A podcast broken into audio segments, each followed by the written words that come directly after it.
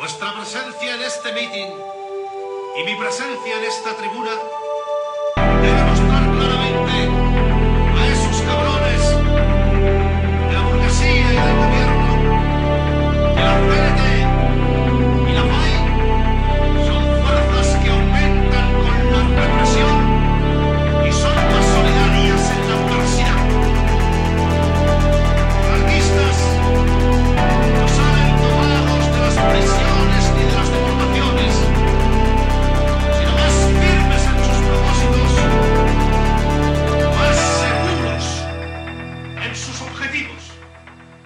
Ja, då ska vi se. Välkomna till ett nytt avsnitt av A-infopodden.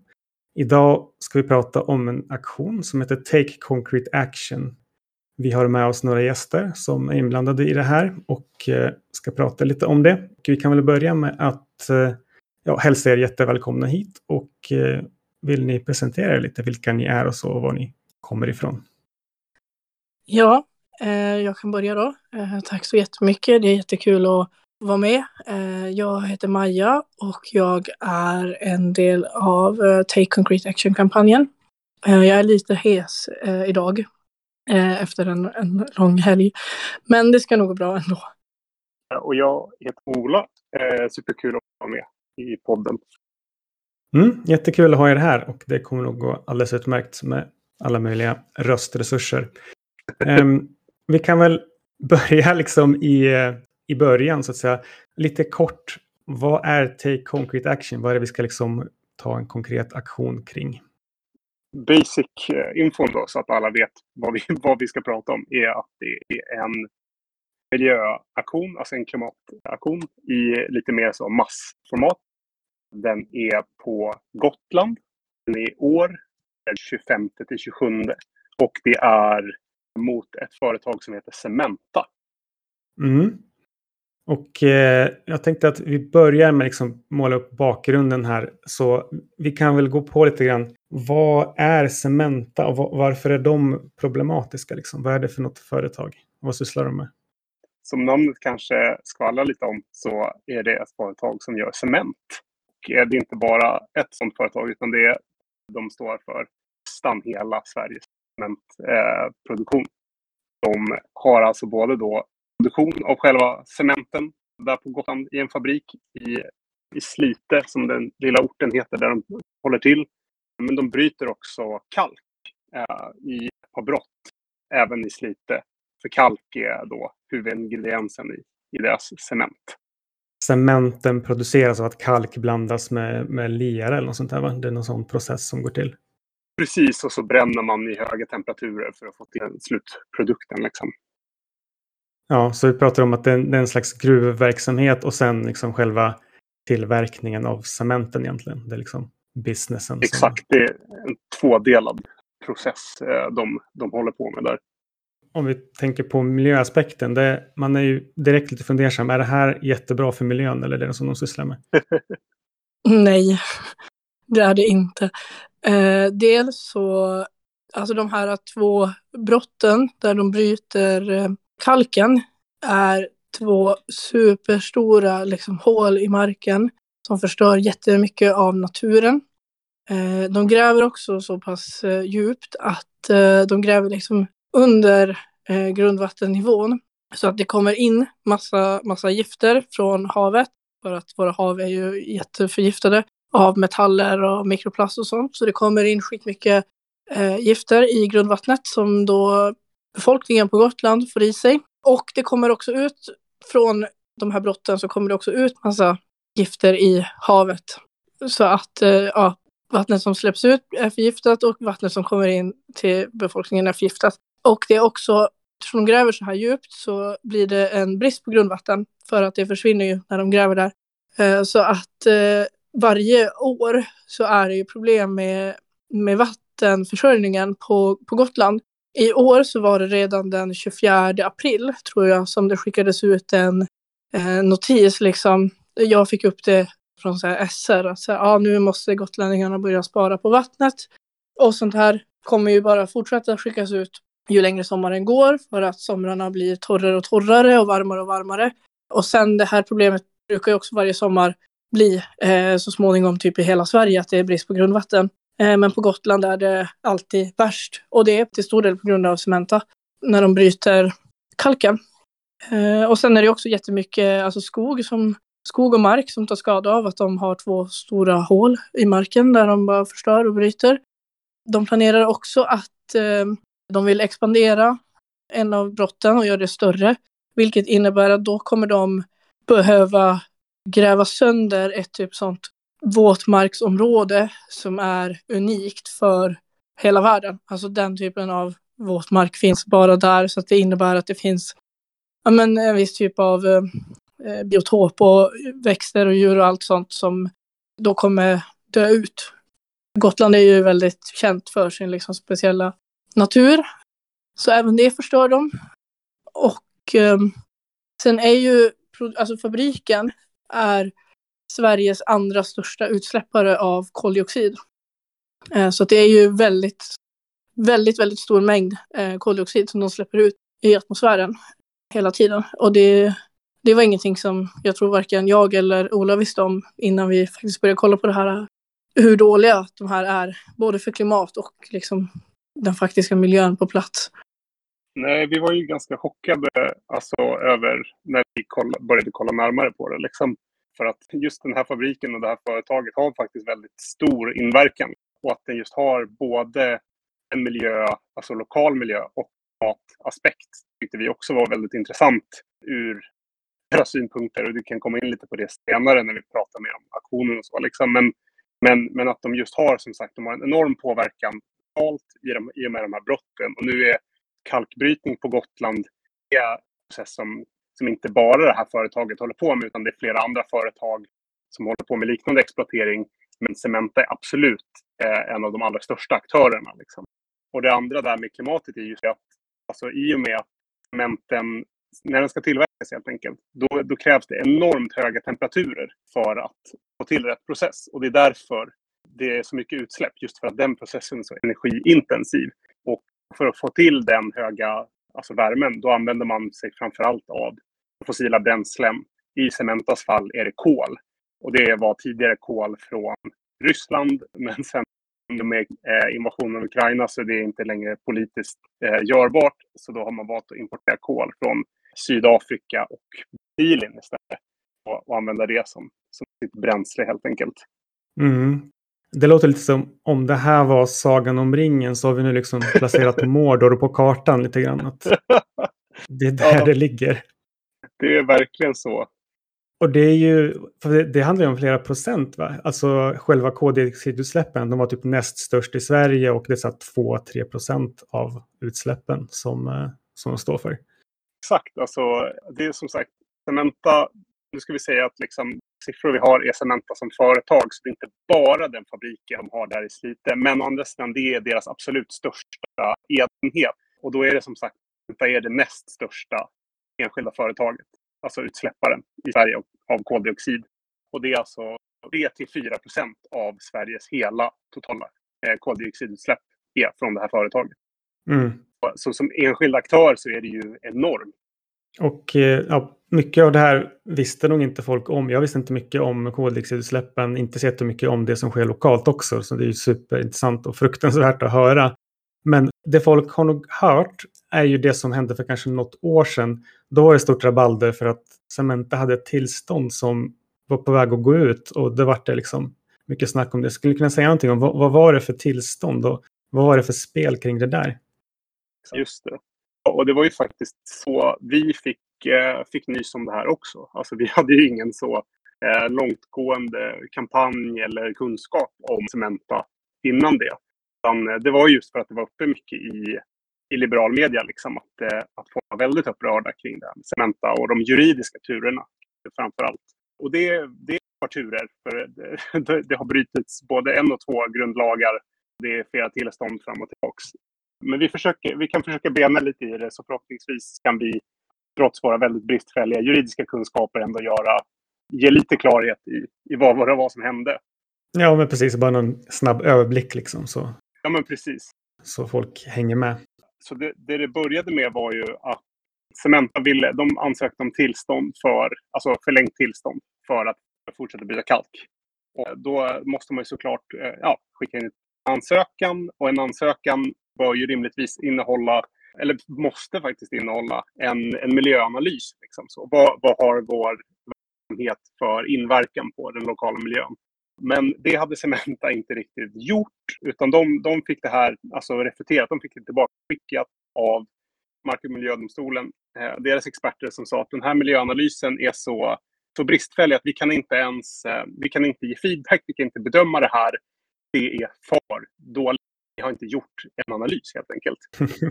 Vilket ju är väldigt problematiskt om man tänker på att det är ett gigantiskt företag med enormt kapital men också som påverkar den lokala miljön extremt mycket i och med, alltså, bara av ren, sin natur, liksom, i vad det är de håller på med.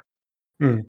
Så då, det, då var det helt enkelt tal om att då, då, måste det, då måste det stoppas. De kan inte få tillstånd att fortsätta bryta. De kan heller inte få tillstånd, vilket de har ansökt om, att expandera. Ett av de här brotten, då, kalkbrotten. Och det, så hade, hade lag följts så hade det varit vad fallet hade blivit. Men då tyckte politikerna i riksdagen att det här blir för kaosigt. Det här går inte liksom. Vi måste hålla Cementa i, eh, i bruk helt enkelt. Så sa de att eh, trots att eh, Mark och miljödomstolen sagt nej så säger vi ja. Cementa får ett särskilt undantag, skräddarsytt bara för sig, att fortsätta ja, med sin operation helt enkelt. Helt utan hänsyn till den här miljöbalken då, som ska reglera i vilken utsträckning man får som företag exploatera mark och natur inom Sveriges gränser. Liksom. Mm, men där måste ju Miljöpartiet eller kanske till och med Vänsterpartiet gått in och protesterat, eller? Nej, det har de inte gjort. Alla partier är helt för att, eh, att eh, låta Cementa få köra vidare. Och det, ja, jag vet inte, på internet och så kan man ändå se en del till vänsterpartister som är så vi är det miljövänligaste partiet och Miljöpartiet liksom, men de har, de, i det här fallet så stämmer det absolut inte och inte kanske i så många andra fall heller. Ehm, men ehm, nej, alla partier är helt eniga om att låta Cementa gå förbi miljöbalken och eh, göra sin grej helt i fred. Vänsterpartiet var ju lite, precis i början så, så var de emot, men väldigt snabbt vek de sig för, för större viljor och intressen så att säga och ändrade, ändrade linje. Så nu är verkligen alla partier från rött till brunt eh, med på tåget. Mm, det, är, det är helt otroligt. Man vet inte om man ska skratta eller gråta riktigt. Nej, det är ju helt sjukt. För hur är det nu? De ska ändra någonting, eller det är någon slags ingrepp i grundlagen som gör att det måste tas en, hållas en omröstning innan valet och en omröstning efter valet. Var det inte något sånt också? Jo, men precis. Ja, det måste vara två riksdagar som eh, godkänner ett lagförslag för att det ska träda i kraft. Och om man vill rösta på ett parti då som, eh, som inte godkänner vem ska man då rösta på? Nej, det är det som är hela problemet. Det finns inget. Fantastiskt. Om man söker sig till, eh, till någon annanstans helt enkelt än partipolitiken. Och eh, för det, det, här var ju helt otroligt. Det här hade jag inte hört så mycket om. Att jag, visste att det var ett problem med tillstånd, inte att det var en sån enighet och att det liksom, de har bara kört över allting. Sen så partiernas ängselhet, jag menar, jag förstår ju att till viss del de behöver ju, de har ju genom att vara parlamentariska partier och aktörer så måste de ju upprätthålla ett visst system. Men det har ju funnits en del så att säga, argument då för det här. Jag vet inte vilka de har kommit från. Men att det till exempel om vi stoppar eh, Cementa då, då blir det direkt bostadsbrist. Och, eh, om, till exempel, om vi tar det först då. Liksom. Vad, vad säger ni om den vinkeln? Liksom? Det är ju det är eh, klart att det, det är ett jättestort problem i, överallt i landet eh, och andra länder också med med bostadsbrist. Men dels så väldigt mycket av cementen som produceras den går inte ens till, eh, till oss i Sverige. Den, eh, fraktar, den skickas iväg till, till andra länder. Så de kan göra vad de vill med det. Så att det är inte så att Sveriges politiker eller Cementa som företag tar något ansvar för att låta den här cementen gå till oss och bygga bostäder till oss. Eh, utan det kan ju fara till, jag vet inte, Tyskland och byggas banker med eller whatever. Så det är ju ett väldigt eh, stort problem. Det, det låter ju som att de verkligen kämpar med att få all cement från Cementa att, eh, att det byggs bostäder med, men så, så är det inte. Utan mycket av det här försvinner och vi vet inte alls vad som händer med det. Eh, och sen kan man ju också se då hur stat och kapital prioriterar att eh, använda den, den delen av cementen som, som stannar här. Eh, och det, det är ju väldigt mycket som byggs som absolut inte är någonting nödvändigt för oss och som inte är bostäder. Det byggs liksom nya motorvägar, det byggs köpcentrum, det byggs eh, stora kontor, det byggs företagslokaler, parkeringshus som absolut inte hjälper bostadsbristen på något sätt. Vi tycker att det blir en så fattig ursäkt när politikerna lägger fram eh, alltså att hålla Cementa öppet trots alla brister och, och, att säga att det är på grund av bostäderna. För uppenbarligen är ju bostäderna, bristen på bostäder, så kallade bristen, är ju inte eh, en brist på, på fysiskt material. Eh, utan det här är ju liksom ett politiskt problem. Det här är ju att politikerna har valt att prioritera marknaden eh, och låtit den helt totalt löpa amok med någonting som borde vara en grundläggande rättighet för alla människor, det vill säga en bostad. Och låtit folk göra enorma vinster, både privatpersoner och företag, på folks desperata boendesituation. För det finns ju bostäder, och det, så det är, inget, det är inte det som är problemet här. Liksom. Utan det är vad man, hur man har valt att prioritera helt enkelt. Och som sagt, även den cement som faktiskt finns används ju inte exklusivt till att bygga nya bostäder. Så att det, det är de vanliga liksom, tomma argumenten som går där i riksdagen. Mm, nej, det är inte som att bostadsbristen, eller kanske snarare bristen på bostäder till ett rimligt pris, har liksom lyst med sin frånvaro med Cementa. Så att eh, det är som sagt, precis som du säger, andra intressen som, eh, som gör att, att det håller sig på det sättet. Sen så eh, det pratas ju också om arbetstillfällen då. Det är klart, det är ju folk som jobbar på de här fabrikerna såklart. Men om man har ett miljötänk så hur mycket arbetstillfällen rör det sig om och vad tänker ni om liksom att de då eventuellt skulle försvinna ifall den här cementtillverkningen inte pågick? Ja, den frågan är ju lurig eh, på det sättet att den, det blir ett längre svar. Liksom. Det, det, är, det är såklart en större fråga men sammanfattningsvis så är det lite, lite samma som med bostäderna. Det vill säga det är ett större systematiskt politiskt problem vi talar om. Men i grunden kan man ju säga liksom att så här, på Cementa, alltså den fabriken i, på Gotland, där är det liksom ett par hundra, alltså 300-400 jobb vi snackar. Och sen så kanske några hundra till med underleverantörer. Men det, det, det huvudargumentet har väl inte varit nödvändigtvis just de jobben, utan nästan mer jobben i, i byggbranschen i stort. I och med att mycket av branschen bygger på att det finns cement att, att jobba med. Och där har vi ju såklart diskuterat väldigt mycket internt. Liksom. Hur, hur ska man tänka kring det här med jobb? Och det är precis som du säger, att kommer till klimat så är det alltid en lurig fråga med jobb. Folk måste jobba för att leva. Mm. Och där tycker väl vi att liksom, det här blir återigen ett sånt bevis på kapitalismens omöjlighet. Liksom. För att alltså, i vanlig ordning så ställer man arbetarna mot sig själva att det blir så antingen så dör du nu eller så dör du sen. Det vill säga antingen så blir du av med jobbet och då kommer inte vi ge dig något skydd utan du kommer få klara dig själv och svälta ihjäl för att du inte har pengar till mat. Alternativt får vi öppet och då du får fortsätta leva och så vidare. Men klimatet kommer att gå åt helvete i en mycket snabbare takt. Vilket ju såklart det drabbar de arbetande i första hand. Mm.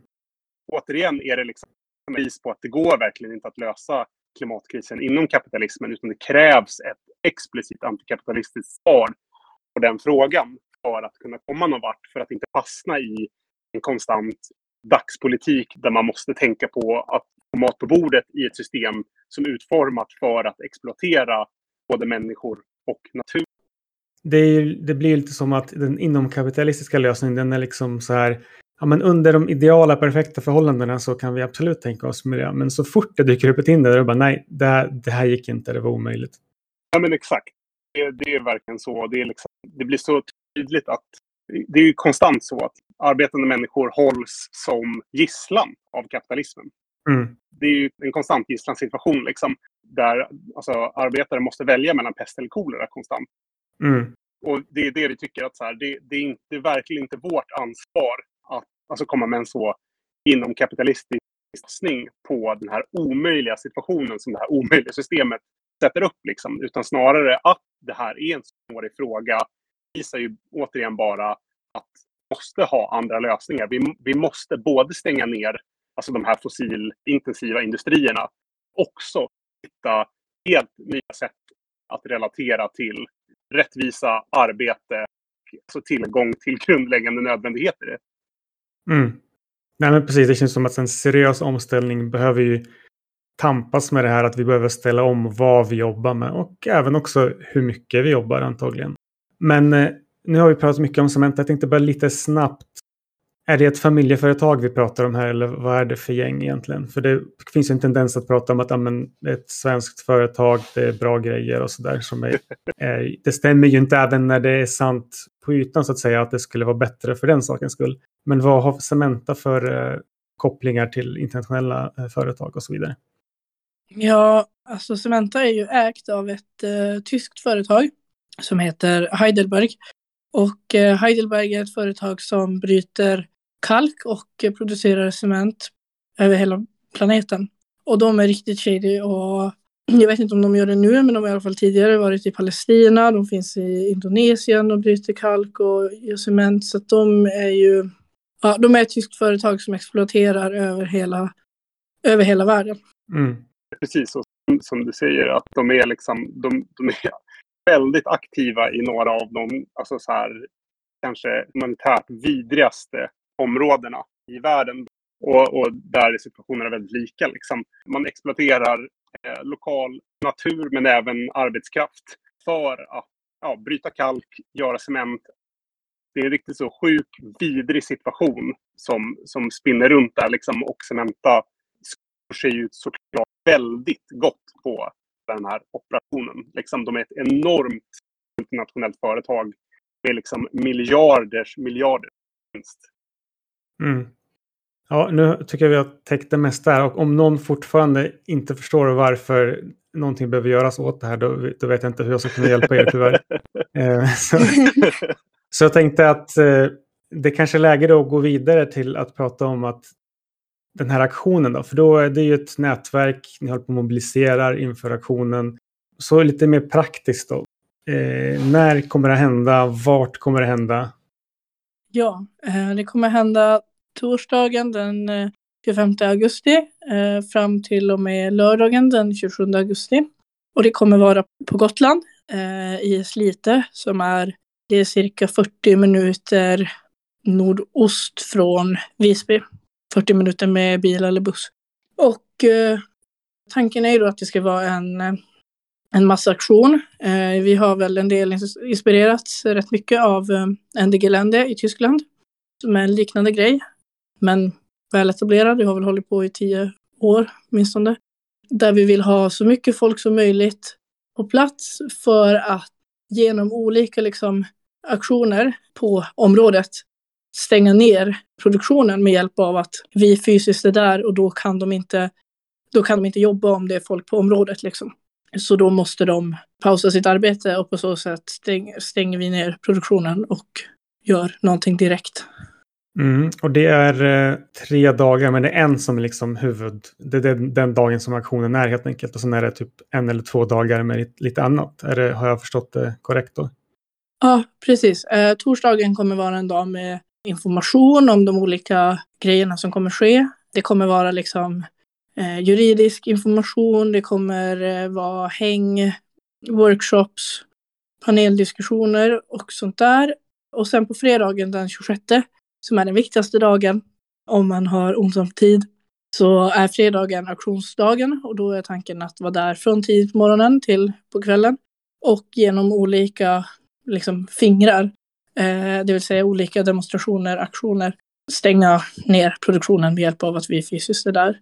Eh, och sen lördagen kommer också vara lite så eh, workshops, info, hänga runt, ta sig hem.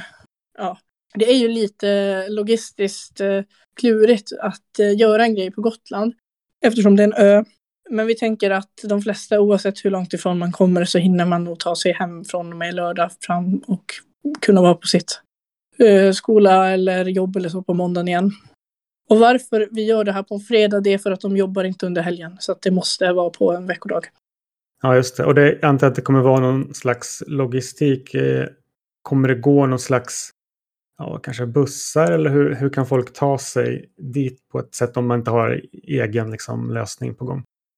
Eh, ja, precis. Det kommer gå buss från Göteborg som man kan åka det kommer också gå en från Köpenhamn, Malmö, Skåneområdet som man kan åka. Och det går Det är öppet för att signa upp sig, så det är bara att mejla till vår mejl och eh, säga att man vill ha en plats på buss, någon av bussarna så kan man få åka, åka med praktiskt och till ett förmånligt pris jämfört med om man skulle behöva fixa allting själv. Och sen det är också en mobilisering från Finland och eh, det är väl något på gång också uppe i Stockholm. Precis, det är lite på gång i, Stockholm och därifrån kommer vi nog inte anordna någon specifik buss eller så. Men med det är väldigt lätt att ta sig till Gotland från Stockholm. Man tar ju bara pendeln ner till Nynäshamn eh, och så går ju färjan rakt över där. Och den buss, eh, eller de bussar vi kommer ha med, som vi kommer resa med från södra Sverige, kommer också finnas på plats på ön och vara tillgängliga liksom, för att hämta upp folk från Visby. Det kommer finnas en sån logistisk lösning på plats helt enkelt. Mm, ja, det låter ju supersmidigt. Eh, och jag antar att på plats då på Gotland är det någon slags camping som gäller då eller? Men exakt. Vi, eh, vi kommer ha ett camp helt enkelt. Det är det vanliga. Tält, bajamajor, vatten, eh, mat. Så får man otroligt gärna ta med sig eget tält och så. Så allmänna tältplatserna kan gå till folk som verkligen inte kan få med sig tält. Vi kommer ha ett, eh, ett köksteam som fixar mat. Kommer inte ta så inträdespris för eh, lägret utan vi kommer be om en, om en donation helt enkelt bara för att täcka en del av lägerkostnaderna. Liksom. Och det är ju såklart utefter förmåga att betala. Och vi kommer ha ett rekommenderat pris. Liksom. Mm, ja, men det låter riktigt nice. Ni nämnde här någonting om eh, fingrar och fingermetoden. Skulle ni kunna gå in lite mer på det för de som inte kanske varit eller hört om en sån här aktion förut? Vad är det exakt? Liksom? Är det, vad gör man? I de här, eller vad är fingrarna? Eh, ja, absolut.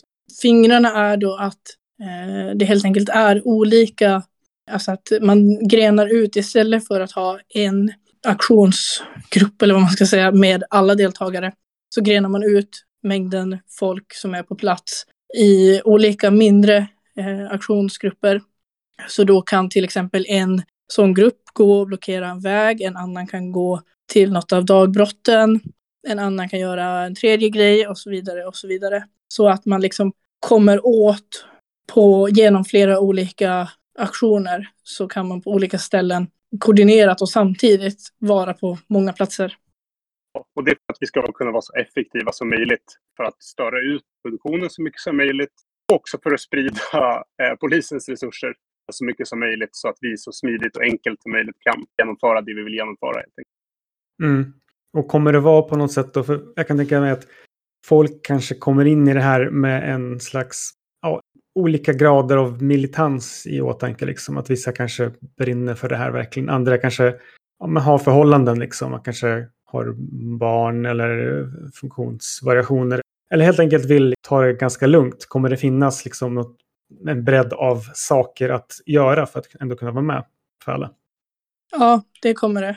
De här olika fingrarna, det vill säga aktionsgrupperna då, kommer ha olika mål som är olika liksom riskfyllda och tillgängliga. Så att vi tänker att man ska kunna delta utifrån sin egna, liksom, vad man är bekväm med och vad man har möjlighet till.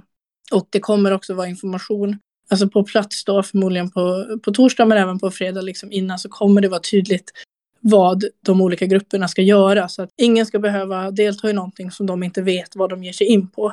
Det är någonting som vi vill vara väldigt tydliga med. Eh, men vi tänker att det kommer finnas något för, för alla eh, oavsett hur mycket eller lite de vill och kan göra. Så det kommer också anordnas, eller vi kommer anordna en, en helt vanlig som laglig tillståndsgiven demo i, eh, i krokarna helt enkelt. Om man är med och vill delta men inte på en viss nivå så, så kan man absolut delta där. Och utöver det så kommer alltså sådana praktiska grejer som, som vi eh, kommer behöva fixa och behöva hjälp med. Liksom. Alltså som, som är saker i lägret eller runt det och med logistik och sjukvård och fixa vatten till folk och så vidare. Så att alla behövs verkligen och vi uppskattar verkligen alla, alla roller lika mycket. Mm, ja men vad grymt. Det låter som att det finns en plats för alla i den här marschen mot Mordor. vi hoppas det. Ja. Vi har ju nämnt Ende Gelände lite. Vi kan väl lite snabbt bara säga någonting om det. För det känns som att en del av inspirationen kommer från det här. Så vad, vad är Ende Gelände och hur har ni inspirerats av, av den eh, aktionen så att säga? Jo, men alltså NDG-länder är ju som sagt en, en sån miljö och klimataktionskampanj som har pågått i ja, säkert tio år nu eh, i Tyskland. För i Tyskland så har de, eller i alla fall har haft, väldigt stor kolindustri. Och då är alltså NDG-länder en, en motaktion mot det. Och eh, vi är flera som har åkt på det eh, i många år, liksom, bland oss som arrangerar. Och vi kände väl att vi, vi tycker att man borde kunna ha någonting liknande i Sverige. Vi tycker det är en effektiv aktionsform på flera sätt. Dels för att alltså, den har lyckats samla mycket folk från olika liksom, delar av den politiska ekologin. Alltså det är både så mer kanske precis vänster och eh, personer men också eh, mer så tydligt miljö.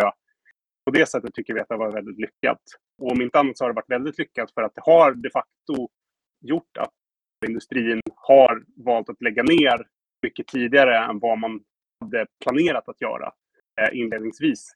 Så att på det sättet så har den risken som den här typen av miljöaktivister har inneburit för de här stora företagen blivit för stor helt enkelt för att de ska känna att det är värt. För att de ska känna att de på ett säkert, tryggt sätt kan göra profit. Och det är det vi hoppas att det här ska kunna inspirerat till också. Att, att man har en mer direkt form av aktioner där man just, precis som NDG-länder, går in i produktionen för att stänga ner den. För att på något sätt visa att man, man menar allvar, man tvingar saker att stängas ner istället för att be att det ska stängas ner med att stå utanför med, med skyltar eller demonstrationer eller, eller vad det nu kan vara. Liksom. Så vill vi introducera den här delen av taktiken. Liksom. Mm. Jag har själv aldrig kommit iväg till NDG-länder men jag har ju sett det ser ju riktigt häftigt ut och det är skitcoolt att det verkligen har funkat också. Och liksom folk har kunnat bygga upp eh, en slags erfarenhet av den här typen av saker som man då kan ta med sig på andra håll också. Och det var intressant just det här med gruppsammansättningen. Eh, det blir en eh, naturlig övergång här då till att fråga om hur ser det ut med Take Concrete Action-nätverket? Vad är det för grupper som ingår där och kanske vilken del kommer ni ifrån då av de olika grupperingarna som ingår i nätverket?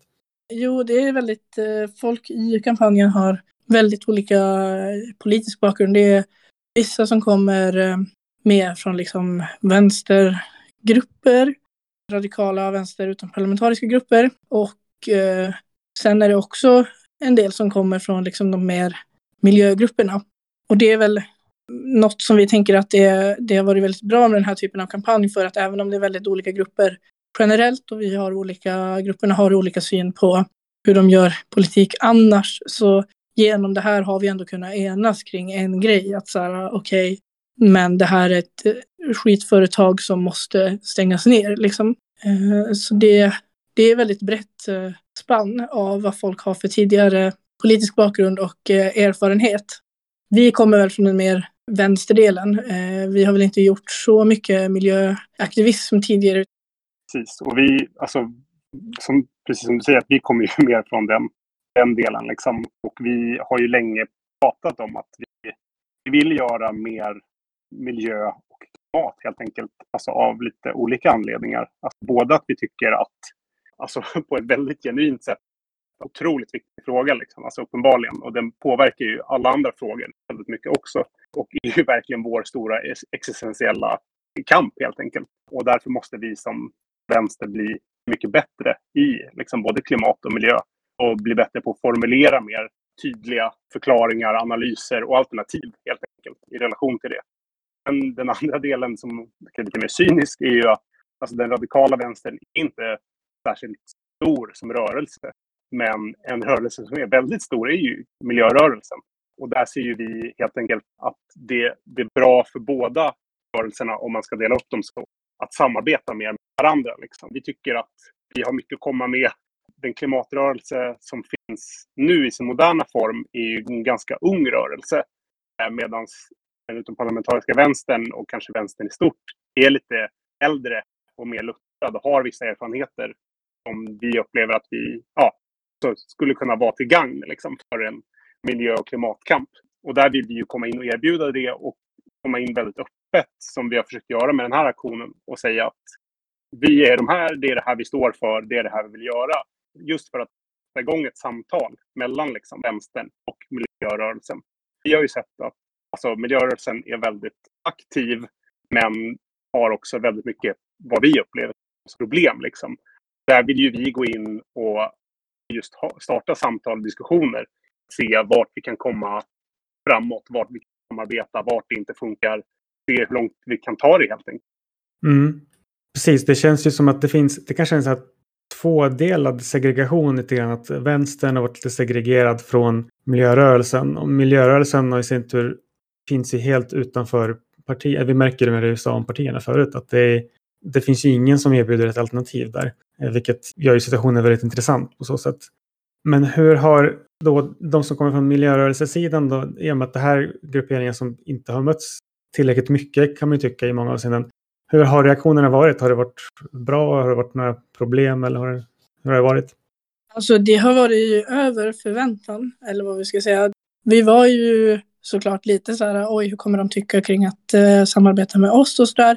För att till exempel på vissa demonstrationer som har varit, alltså så här på gator och torg liksom, så har det ändå funnits skyltar och banderoller så som har varit att eh, nej, men det här är beyond politics, det här är inte liksom alla ska kunna delta, moderater ska kunna delta, whatever liksom. Och vi har ju kommit då ganska tydligt och så ja, fast nej, så är det inte för att det finns ingen kapitalistisk lösning på det här. Men det har verkligen varit, eh, det har gått bra och vi har fått bra samarbeten där, där jag känner att eh, vi eh, det är klart att man har fått lägga vissa, vissa övriga frågor åt sidan eller liksom så behövt jämka fram något som funkar. Men jag tycker ändå att det känns som att alla som är med i kampanjen ändå kan fortsätta. Ingen har liksom, jag tycker inte att det känns som att någon har behövt helt eh, svika sina övriga frågor för att göra det här, utan det har varit ganska öppet också med att okej, okay, ja men ni tycker så i övrigt, vi tycker så här i övrigt. Och det här är vår erfarenhet och det här är er erfarenhet. Men kring det här kan vi enas liksom. Kring den här aktionen, kring den här kampanjen så kan vi enas liksom. Och de har, alltså alla liksom, har varit med på att eh, det är antikapitalism som är lösningen på det här problemet. Så det har verkligen varit, eh, ja det har varit över förväntan.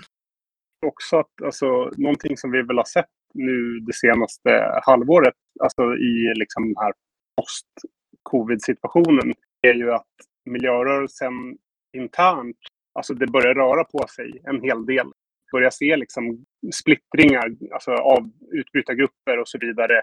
Det liksom börjar formas nya tendenser in, även inom den breda miljörörelsen som ju har varit generellt sett ganska hegemonisk liksom, och homogen. Och där hoppas väl vi också att det här ska kunna vara ett bra alternativ som är alltså, mycket mer explicit och tydligt vänster och antikapitalistiskt och förhoppningsvis mer radikalt. Liksom.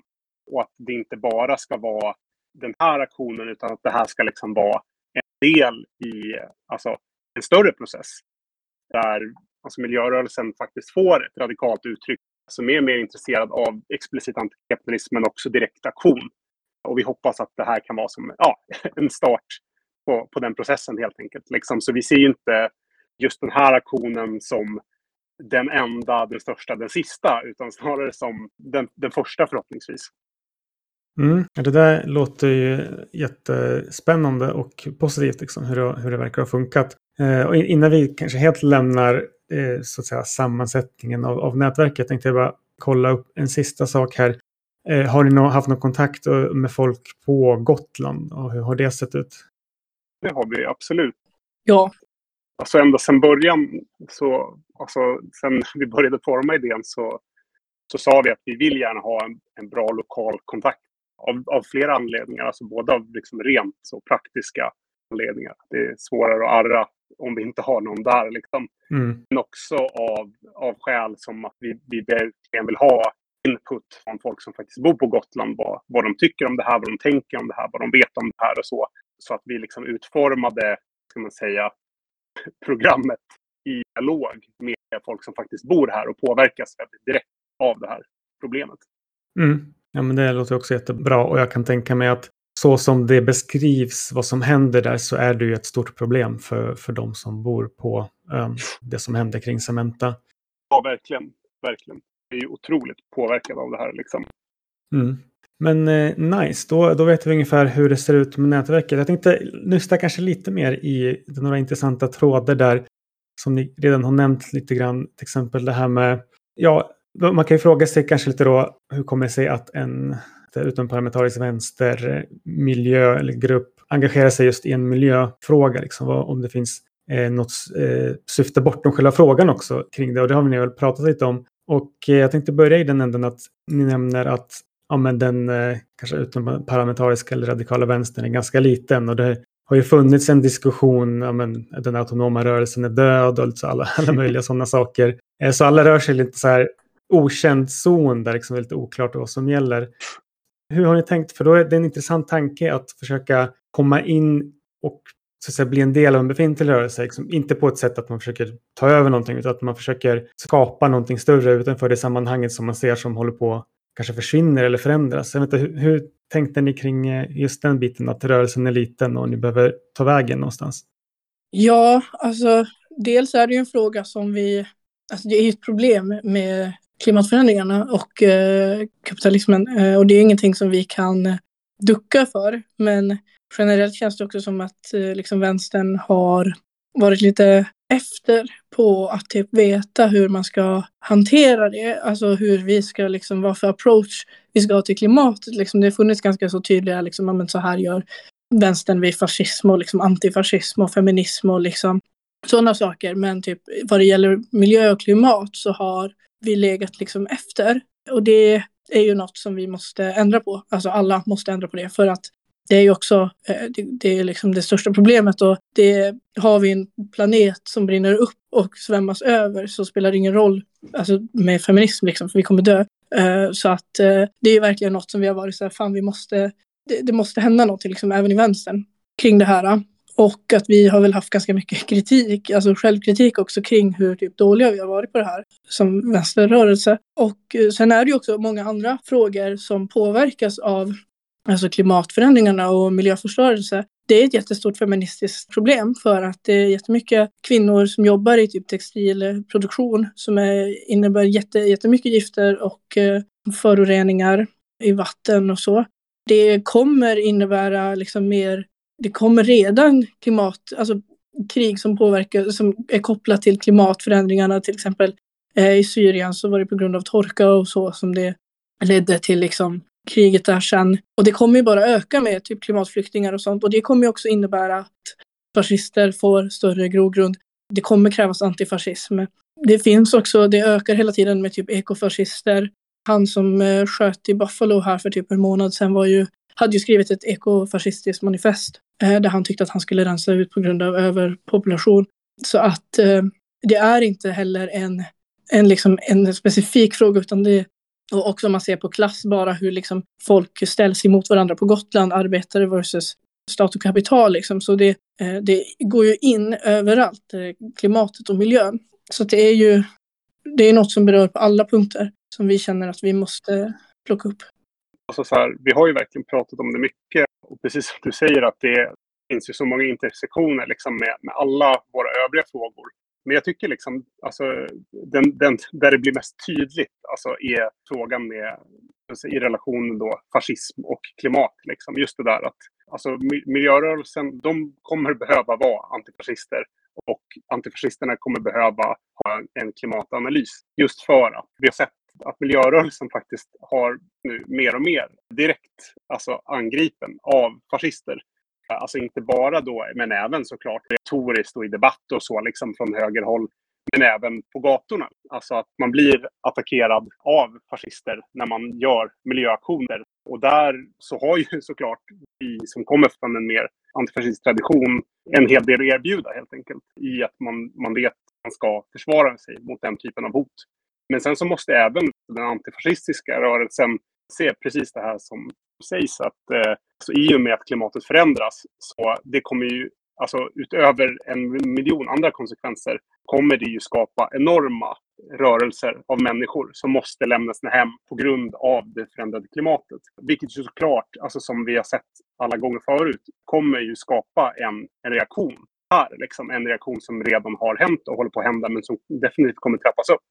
Och det gäller att vara medveten om det som antifascist, att det finns en klimatbakgrund till varför de här rörelserna sker och att det finns en väldigt tydlig koppling till människor.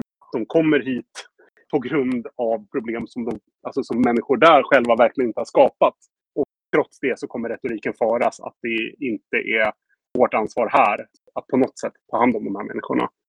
Mm, det stämmer väldigt bra tycker jag, det, det som sägs. Eh, det är liksom olika sidor av samma mynt på något sätt. Liksom, som, eh, som förs samman, som behöver föras samman på ett bättre sätt. Och det är eh, jätteintressant att se att det är på väg att hända. Jag tänkte att vi kanske kör en liten segway in i, i, nästa avsnitt. Det var en sak jag tänkte på häromdagen faktiskt. För det är också lite så att e säga saker som ekofascism. Det handlar också till viss del om att om inte tillräckligt bra alternativ erbjuds så finns det en risk att fler hamnar i sådana här riktigt farliga ställen som till exempel sluttar mot, mot ekofascism. Och jag tänkte liksom, miljö är ju lite grann ändå på sätt och vis på alla släppar. Alla måste förhålla sig till det. Det har blivit en stor fråga. Det har blivit en ny rörelse. Samtidigt har vi Miljöpartiet som typ håller på att åka ur riksdagen. De kommer kanske klara sig kvar med hjälp av stödröster. Men vad tror ni det beror på att ett parti som Miljöpartiet känns helt irrelevant just nu? Det där är ju så jäkla väldigt konstig situation. Alltså precis som du säger att miljö är ju verkligen ändå alltså otroligt etablerad fråga på liksom agendan. Alltså även om den inte sköts något bra. Trots det, trots att Sverige ska vara ett sådant miljöföregångsland så har vi liksom vårt, vårt gröna parti kanske inte ens kommer klara riksdagsspärren. Liksom. Det kan man säkert spekulera väldigt länge fram och tillbaks kring varför. Liksom. Men jag tror en sak som vi har pratat om internt är just det där att Miljöpartiet är ju på något sätt så seriöst och genomskinligt eh, när det väl kommer till kritan i och med att deras huvudfråga är miljö och klimat. De kommer ju inte med några faktiska lösningar på problemet utan det är ju alltid de här små, små sakerna som är väldigt symboliska och som i princip varje gång har en väldigt tydlig klasskaraktär. Så att det mm. pratas här elfordon och laddstolpar och alltså den här typen av frågor, ekologiskt, saker som såklart är viktigt och bra som små saker, men det kommer absolut inte göra några stora skillnader. Och där blir det ju, som sagt, om man bygger hela sitt parti på en fråga och sen så inte ens kommer med starka svar på den frågan, då är det klart att man tappar legitimitet. Liksom. Det är väl därför, alltså, om man ska dra någon slags parallell till SD, liksom, att så här, hela deras problemformulering är ju ja, men invandrarna är problemet. Mm. Och då har de ju gått ut och gett en, så, en, alltså en radikal lösning på problemet, så att säga. Vi ska vara ett megarasistiskt fascistland för att inte få hit invandrare. Och det, då stämmer ju liksom problemet, formuleringen och lösningen överens med varandra. Och där kan man ju ändå förstå att folk köper det, även om det såklart är vidrigt och fel och dumt i huvudet. I fallet Miljöpartiet så blir det ju någon slags dissonans mellan en väldigt dramatisk formulering av problemet, väldigt mjäkig eh, formulering av svar, helt enkelt. Det skulle vara min, min take i alla fall. Mm. Ja, alltså om någon, om någon miljöpartist lyssnar på det här så kan de ju komma med... Det är tveksamt i och för sig, men... då, alltså de, jag tror också det, de behöver vara mer radikala. Alltså det, ja. Ja, nej precis. Jag, menar, jag försöker inte rädda Miljöpartiet här, utan jag tycker det är ett intressant fenomen. Ja. Att eh, i en tid där liksom miljö typ, kanske viktigare än någonting så håller Miljöpartiet på att åka ur. Och det är väl kanske, men det ligger mycket i det, det ni har sagt. Och deras bluff synades först kanske också, liksom att de gick ut med det här och sen har de verkligen inte levererat någonting. Och nu när det kommer till kritan och alla skaffat sig ett miljöprogram, då har de inte ens något som utmärker dem på pappret riktigt. Nej. Det finns, nu kommer jag inte ihåg vad de heter, det här nya initiativet med Gudrun Schyman i spetsen. Men det är ju något nytt så startat. Ett nytt miljöparti helt enkelt. Jaha, alltså, okej, okay. hon har hoppat över från Feministiskt initiativ. Ja, alltså. precis. Ja, Klimatalliansen har hon startat. Ja, det är, det är så svårt att se vart det där ska leda. ja, verkligen. Men alltså om vi ska prata om, om liksom, partier och miljö så Alltså jag har sett någon sån där bild som har delats liksom. Och då har ju Vänsterpartiet varit de Eh, Eh, nu är de fortfarande rätt dåliga eftersom till exempel det här med Cementa då som jag nämnt. Men eh, de har ju i några staplar undersökningar så har ju de varit det mest miljövänliga partiet och liksom sagt nej och ja till fler miljövänliga reformer än vad Miljöpartiet faktiskt har gjort. Så att har man lite koll på vad partierna tycker och tänker om miljö och vill göra ett miljövänligt val så är ju inte Miljöpartiet det mest miljövänliga val. Då är det väl i sådana fall Vänsterpartiet. Så det är också där kan man ju tycka att eh, de borde ju vara mer radikala med miljöfrågor än vad Vänsterpartiet är om de nu ska vara ett miljöparti. Det sorgliga där blir ju på något sätt att det, för det stämmer ju liksom att så här, Vänsterpartiet har klassats av, jag tror att det är Naturskyddsföreningen eller någon av de här stora som har gjort en sån årlig undersökning av partierna och hur de har röstat i olika frågor och så. Där är ju vänstern det som har varit bäst i flera år i alla fall, även om det kanske inte är så längre.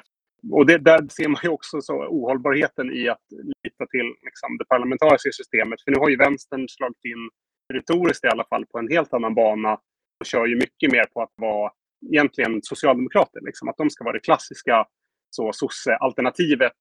Mm. Eh, de har släppt mycket av de här frågorna som tidigare förknippats med liksom, och nu är det stora eh, sådana citationstecken, men identitets och vänsterflumfrågor. Liksom, utan de har ju mer gått in på det här kött och potatis arbetargrejen och så. Vi ska ha liksom den vanliga svenska arbetarrösten. Vilket är också en så vidrig opportunism från deras sida. Liksom. Att så här, man märker ju att som, alltså, partierna de jobbar ju bara för att fiska röster, inte för att faktiskt ha något politiskt innehåll. Och där blir det också så otroligt sorgligt och genomskinligt liksom inför, som inför valet nu i år. Att partierna bryr sig ju egentligen inte om sakfrågor och framförallt inte miljön och klimatet som ju är helt borta från agendan med tanke på att ja, läget är som det är. Liksom. Nej men verkligen, vi ska inte gå in på det. Jag skulle kunna snacka hur länge som helst om de här sakerna. med Socialdemokraterna flyttat in i mitten. Deras grej är ju lite grann att de vill nästan döda alla frågor så att de inte blir valfrågor. Liksom. De vill bara få bort allting. Och sen kommer Vänsterpartiet och flyttar in på den platsen som sossarna hade. Det ser man både i retoriken och hur de försöker förhålla sig till LO-facken och sånt där. Så att, ja, och, och miljön får ju ganska mycket stryk i, i, i det här spelet, eh, precis som ni säger. Så att det är som vanligt upp till oss att eh, försöka göra någonting åt de här sakerna istället. Eh, det finns ju ändå, alltså det är en ganska ytlig eh, tendens kanske, men nästan alla pratar ju om någon slags miljösaker. Allt från liksom teknooptimistiska högerlösningar till eh, det kanske som ändå är kanske viktigare att bemöta som känns mer seriöst är så här grön ny giv-tänk från så här lite grönare sossiga håll eller kanske vissa mindre förstörda miljöpartier än det svenska. Vad skulle ni säga om till någon som säger att ja, men, eh, det, det är väl nice med en liten grön ny giv uppifrån bara, liksom, att det skulle kunna lösa de problem vi har? Ja, den är ju väldigt populär den där New Deal-idén. Vi ser ju flera tänkare på vänsterkanten som för fram den. Liksom. Alltså om vi tänker att för några år sedan var liksom, vad ska man säga, flugan var ju, eh, vad heter det där, Fully Automated Luxury Communism. Ja, just det. Det var ju liksom så vi ska lösa hela framtiden på något sätt. Och nu är det ju lite mer så Green New Deal som är liksom buzzword. Och där är ju problemet återigen att det bygger ju så alldeles mycket på alltså lösning inom rådande system. Ett system som vi ser gång på gång lyckas lösa några problem och framförallt som går tillbaks så fort, så fort det trycks lite på det. Alltså så fort det kommer lite tryck från höger eller från de berömda marknadskrafterna eller liksom kapitalet är beredd att stryka på foten för alltså, diverse miljölagstiftningar och så vidare. Liksom. Så vi har ju svårt att se att det skulle vara en hållbar lösning i och med att hela grunden för den är så extremt eh, icke-stabil helt enkelt. Ja, precis. Bara nu att man planerar att typ alla flyg från Bromma flygplats ska vara typ fossilfria. Men det är också så här, det är ju på något sätt att säga, ja, men vi ska ha rätt att fortsätta flyga och resa som vi gör på charter flera gånger per år. Eller ja, vissa gör det. Det är ju liksom bara för att rädda typ medelklassen. Att kunna fortsätta leva som de gör. Och där så här, vi kan inte göra det. Vi måste göra på något annat sätt. Problemet är också mycket, alltså lite som vi var inne på, att alltså, när det kommer till intersektioner med andra frågor. Att, alltså den här eh, given, den formuleras ju också som sagt inom rådens system, vilket därmed är inom gränsen för alltså staten och nationen. Så det vill säga att alltså, när vi kommer börja se ännu större rörelser av flyktingar som kommer hit på grund av alltså miljöförändringar, klimatförändringarna. Då är det frågan, kommer den här Green New Deal, kommer det inkludera dem? Eller kommer den, som den ju är nu, vara formulerad inom någon slags tanke om en nation? Och det är mycket möjligt att se liksom, att högern kan inkorporera de här frågorna. Alltså de kan ta in det gröna på något sätt mm. inom si, alltså på sina villkor. Liksom, så att man har en, en nationalistisk Green Deal. Att, ja, men, ska vi ha fin miljö i Sverige, ska vi ha fin lokalmiljö, och svenskar, svenska svenskar ska ha jobb liksom. Men vi stänger gränserna. Det går absolut att förena de två idéerna liksom, inom ramen för deras politik. Och då har vi ju ändå förlorat. För då stänger vi ut massa människor som är på flykt på grund av ja, diverse hemskheter som ju såklart är mycket av ansvaret ligger i den här delen av världen. Liksom. Mm. Nej men verkligen. Och det, det där fick mig tänka på. Jag har också hört liknande tendenser kring så här, ja, men basinkomst som en annan sån här grej. Som att, jag tycker det finns en go god tanke där. Men det är också så här, finns en tendens vid att man försöker nästan som att kortsluta systemet för att hitta en smart genväg. Och eh, även basinkomst har jag hört liksom varianter där högern och även så här, extremhögern är intresserade för att kan du knyta det till nationalitet så blir det jätteintressant för dem. Så det känns också som att den är lite fångad av, av formen på något sätt. Den lösningen. Ja, verkligen. Och att man ska kunna, alltså det blir ju en sån hela tiden, man blir, den blir ju så villkorad hela tiden. Liksom. Alltså precis som med basinkomsten. Det kan vara nationalitet, men det kan också vara tusen andra grejer. Alltså som alltid när man ska lita på staten att ge en grejer, då kommer ju staten alltid såklart kräva en motprestation. Och det kan vara att du jobbar, det kan vara att du har en viss sysselsättningsgrad. Det är ju alltid så här liksom. Så det är väldigt farligt att titta på att staten ger oss det vi behöver i och med att den har ju sina egna intressen. Liksom. Den styrs ju av människor som vill massa grejer. Mm. Och därför tror vi ju att det, det är farligt att liksom, sätta bort hopp för, alltså, bokstavligen talat, hela liksom, mänsklighetens framtid till så opportunistisk aktör. Nej, precis. Eh, absolut alla de genvägarna, det känns som att det de missar är också det. å ena sidan kapitalismen som är ett system med liksom oändlig exponentiell tillväxt som liksom ingen har hittills kunnat visa att det går att frikoppla från liksom resursförbrukning och miljöförstörelse. Eh, men också då att vi lever i ett klassamhälle, det finns en klasskamp och det finns inte riktigt några genvägar utan det är styrkeförhållandena mellan klasserna som kommer vara avgörande för hur bra eller dåligt vi har det och inte liksom en smart politisk lösning. Ja, men exakt, det är det som är så larvigt ibland när folk vurmar så för de här nya buzzwordsen som kommer. Liksom, som att nu har någon kommit på en smart lösning. Nu heter den Green New Deal just nu. Och som att det skulle vara, ha varit problemet tidigare, att vi inte hade en tillräckligt smart lösning. Och det har ju aldrig varit problemet. Mm. Så det du säger, det är ju liksom de grundläggande maktförhållandena i samhället som avgör vilket som får ske eller inte. Liksom. Är det det som rör oss framåt, det som har en progressiv karaktär, eller är det liksom reaktionen och status quo som får vinna varje strid. Om vi pratar då eh, om maktrelationer och liknande. Det är ju riktigt grymt med, med den här typen av aktioner. Miljörörelsen har ju, är ju också ganska känd just nu, om inte för något annat så är det just för mycket aktioner och sånt. Men ser ni liksom något sätt på vilket man kan göra aktioner men också ta det ett steg vidare? Kan vi bygga någon slags makt i, alltså om vi ser det från miljöaspekten, den svagaste varianten är kanske demos, den kanske starkare blockader. Det här är ju ett steg till, att man gör en aktion som är mycket mer tydlig, mycket mer riktad och, och ganska alltså massbaserad. Finns det något annat sätt att kan vi ta vara på det här och börja bygga någon slags eh, alltså verklig motmakt kring de här frågorna, liksom, eller alla de här frågorna egentligen, som vi pratat om, men nu är det liksom miljöengagemang, miljöperspektiv. Det är ju något vi verkligen hoppas göra med den här kampanjen, att det ska vara ett eh Alltså det har skapat kontakter och nätverk liksom som kommer hålla i sig och eh, kanske att kampanjen också fortsätter. Mm. Inte bara i år utan eh, framöver också precis som typ Ende Gelände. Fortsätter liksom återkommande varje år. Eh, och det hade ju varit skitbett liksom om det här kan bli en liknande grej som, som fortsätter. Och att det, att det här bara är en början på någonting som vi vill eh, växer och eh, är en kontinuerlig rörelse och eh, grej att, liksom, att lita på och att vända sig till. Ja, men vi hoppas ju verkligen på att, vad ska man säga, om man, om man ska använda liksom lite anarkistisk terminologi, alltså det här med, med någon slags propaganda of the deed-aktigt, alltså att vi vill visa att vi vill göra en aktion för att visa att det går att göra en aktion. Mm. Visa att det går i en svensk eller en skandinavisk kontext att göra den typen av direkt aktion.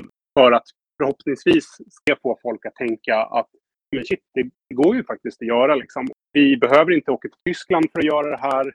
Och jag uppfattar i alla fall en stor frustration i miljörörelsen över hur lite man åstadkommer. Mm. Man lägger otroligt mycket tid och energi och har gjort under väldigt lång tid på sina aktioner. Men att politikerna gör ju ändå ingenting. Och att förhoppningsvis kan den besvikelsen och frustrationen kanaliseras in i här istället. I att man ser att okej, okay, men anledningen till att vi inte har eftergifter är för att vi har använt fel metoder helt enkelt. Vi har haft fel tänk kring vad man bör göra. Och att då kan en sån här aktion öppna ögonen lite för folk som kanske tidigare hållit på med, med mer så exerga grejer, om man får vara sån, till att se att okej, okay, men vi kanske måste gå lite mer direkt. Vi kanske måste tänka om kring våra principer för att bli mer effektiva i vår kamp. Och det ska ju bli intressant att se liksom hur det här tas emot i en svensk och en skandinavisk kontext och se vad miljörörelsen gör av det. Men också, alltså, en sak som är intressant är ju, alltså då när vi ändå pratar om NDG-länder. NDG-länder har ju som sagt varit en kampanj mot kol, men man ser ju den striden vunnen i princip, alltså i den utsträckningen att man i alla fall är nöjd med vad man har åstadkommit. De har man ju valt att byta fokus, lämna kolkampen och snarare slagit in på det här med fossilgas istället. Så årets Gelände som är i Hamburg kommer ju vara en annan typ av aktion än vad ND Gelände varit förut. Det vill säga att den är mer urban och den riktar sig också mot alltså, en, ny, en annan fossil källa, det vill säga den här fossilgas. Och där är det också intressant att se hur en sån rörelse utvecklas med tiden, både i mål men också i taktik. Mm. Det blir intressant att se vad, vad vår aktion ger för intryck här. Och om det gör, ger något intryck överhuvudtaget. Och se om det då leder till att man kan ha andra typer av diskussioner. Både vad ska man säga, analytiskt, ideologiskt men också strategiskt. Nej men verkligen, verkligen.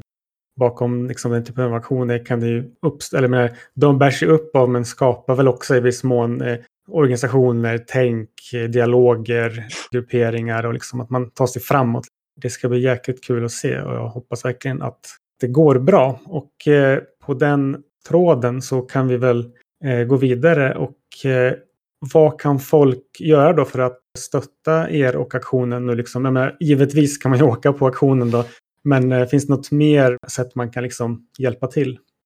Ja, förutom att komma då till Gotland så dels att liksom sprida ordet, dela våra inlägg på sociala medier. Vi finns på Instagram och Facebook. Eh, och vi har också en hemsida. Och allt det heter Take Concrete Action. Och hemsidan är takeconcreteaction.info. Yes. Eh, men det kanske kan läggas upp också i koppling till avsnittsbeskrivningen. Mm. Dela flygblad, sätta upp posters. Eh, det går också att få tag i all propaganda genom vår hemsida. Vi har försökt göra det så lättillgängligt som möjligt för alla att kunna liksom mobilisera på sitt håll. Själva skriva ut flygblad och affischer och sånt hjälpa till med liksom resor om man kan göra det på något sätt. Även om man själv inte kan fara så kanske man kan vara med i planering, hitta en buss, hitta, vad heter det, samordna liksom en grupp människor som kan åka ihop. Men också en grej, det, det är inte gratis att göra det här. Så en jätteviktig grej eh, som hade hjälpt oss otroligt mycket är att eh, donera pengar om man har en slant över och inte vet vart man ska lägga det. Så vi har en Firefond och vi har också Swish och eh, bank, eh, bankgiro-nummer som man kan donera pengar till. Eller om man skulle känna någon som känner någon som är aktiv i kampanjen så går det också bra att ge cash liksom och lösa det så. Det kommer bli en summa, en stor summa som vi kommer behöva lägga på det här. Eh, så varje krona hjälper jättemycket. Mm. Verkligen. Och vill man delta något sätt men kanske inte kan komma på auktionen av olika anledningar så finns det som sagt tusen saker man kan hjälpa till med. Där kan man höra av sig till oss. Vi har ju som sagt lite olika mobiliseringsgrupper nu. Vi startade ju i Skåne. Men nu finns vi ju både i Skåne men också i Göteborg, Stockholm, Uppsala, Köpenhamn och Finland också, och i Helsingfors. Så att då kan man också höra av sig ifall man vill komma i kontakt med folk och hjälpa till med någonting och så. Och man får jättegärna, annars om man inte finns i någon av de här större städerna, höra av sig om man vill typ hålla ett litet infomöte eller så. Vi har en PowerPoint med en så guide till så att man kan hålla ett litet infomöte så att fler får reda på det helt enkelt. Och det hjälper ju oss supermycket varje sån som vi får hjälp med. För det betyder att det, det är lite tid och pengar vi kan spara på att inte behöva åka till, till ännu fler ställen och hålla den själva. Liksom. Mm, Okej, okay, men supernice. Jag tänker att vi lägger ju upp allt, eh, all information i samband med avsnittet också. Så att folk behöver inte memorera det de precis har hört. Utan det kommer finnas tillgängligt som man kan ta del av. Och eh, ja, i och med det så tänkte jag väl att det börjar bli så dags att runda av lite. Så jag tänkte bara höra om det är något mer ni skulle vilja tillägga innan vi gör det. Nej, jag känner att vi har fått med typ det mesta. Ja, det tycker jag också. Det, är soft att, att snacka. Mm. Ja, verkligen. Och om folk har frågor så mejla oss eller skriv till oss på sociala medier så ska vi försöka besvara allt så gott som vi kan. Ja, precis. Och det var kul att få ha lite också, hinna med lite diskussioner som var, vad ska man säga, mer eh, teoretiska, strategiska, vad man nu ska kalla dem liksom. För det har ju varit väldigt mycket så att vi har köpt praktiska grejer när vi har varit runt. Mm. Så det är att att få gå lite djupare liksom. Och, och, vill, man, vill man snacka mer om det och veta mer om det eller liksom har input så får man också jättegärna höra av sig. Kom gärna på auktionen för då kommer vi försöka ha som sagt lite workshops eller diskussioner eller panelsamtal kring även sådana lite större frågor. Som ju är lite halva poängen med att ha auktionen. Att mm. kunna liksom föra det framåt. Mm. Nej men eh, fantastiskt. Då får jag helt enkelt eh, tacka er så mycket för att ni har varit här. Men tack själv. Och eh, ja, lycka till med eh, mobiliseringen och aktionen. Det är bara att köra Cementa i botten här så kommer det bli riktigt fint på Gotland. Mycket. tack ska ni ha. Då. Ja, äh, tusen tack. Det var jättekul att vara med. Vuestra presencia en este meeting y mi presencia en esta tribuna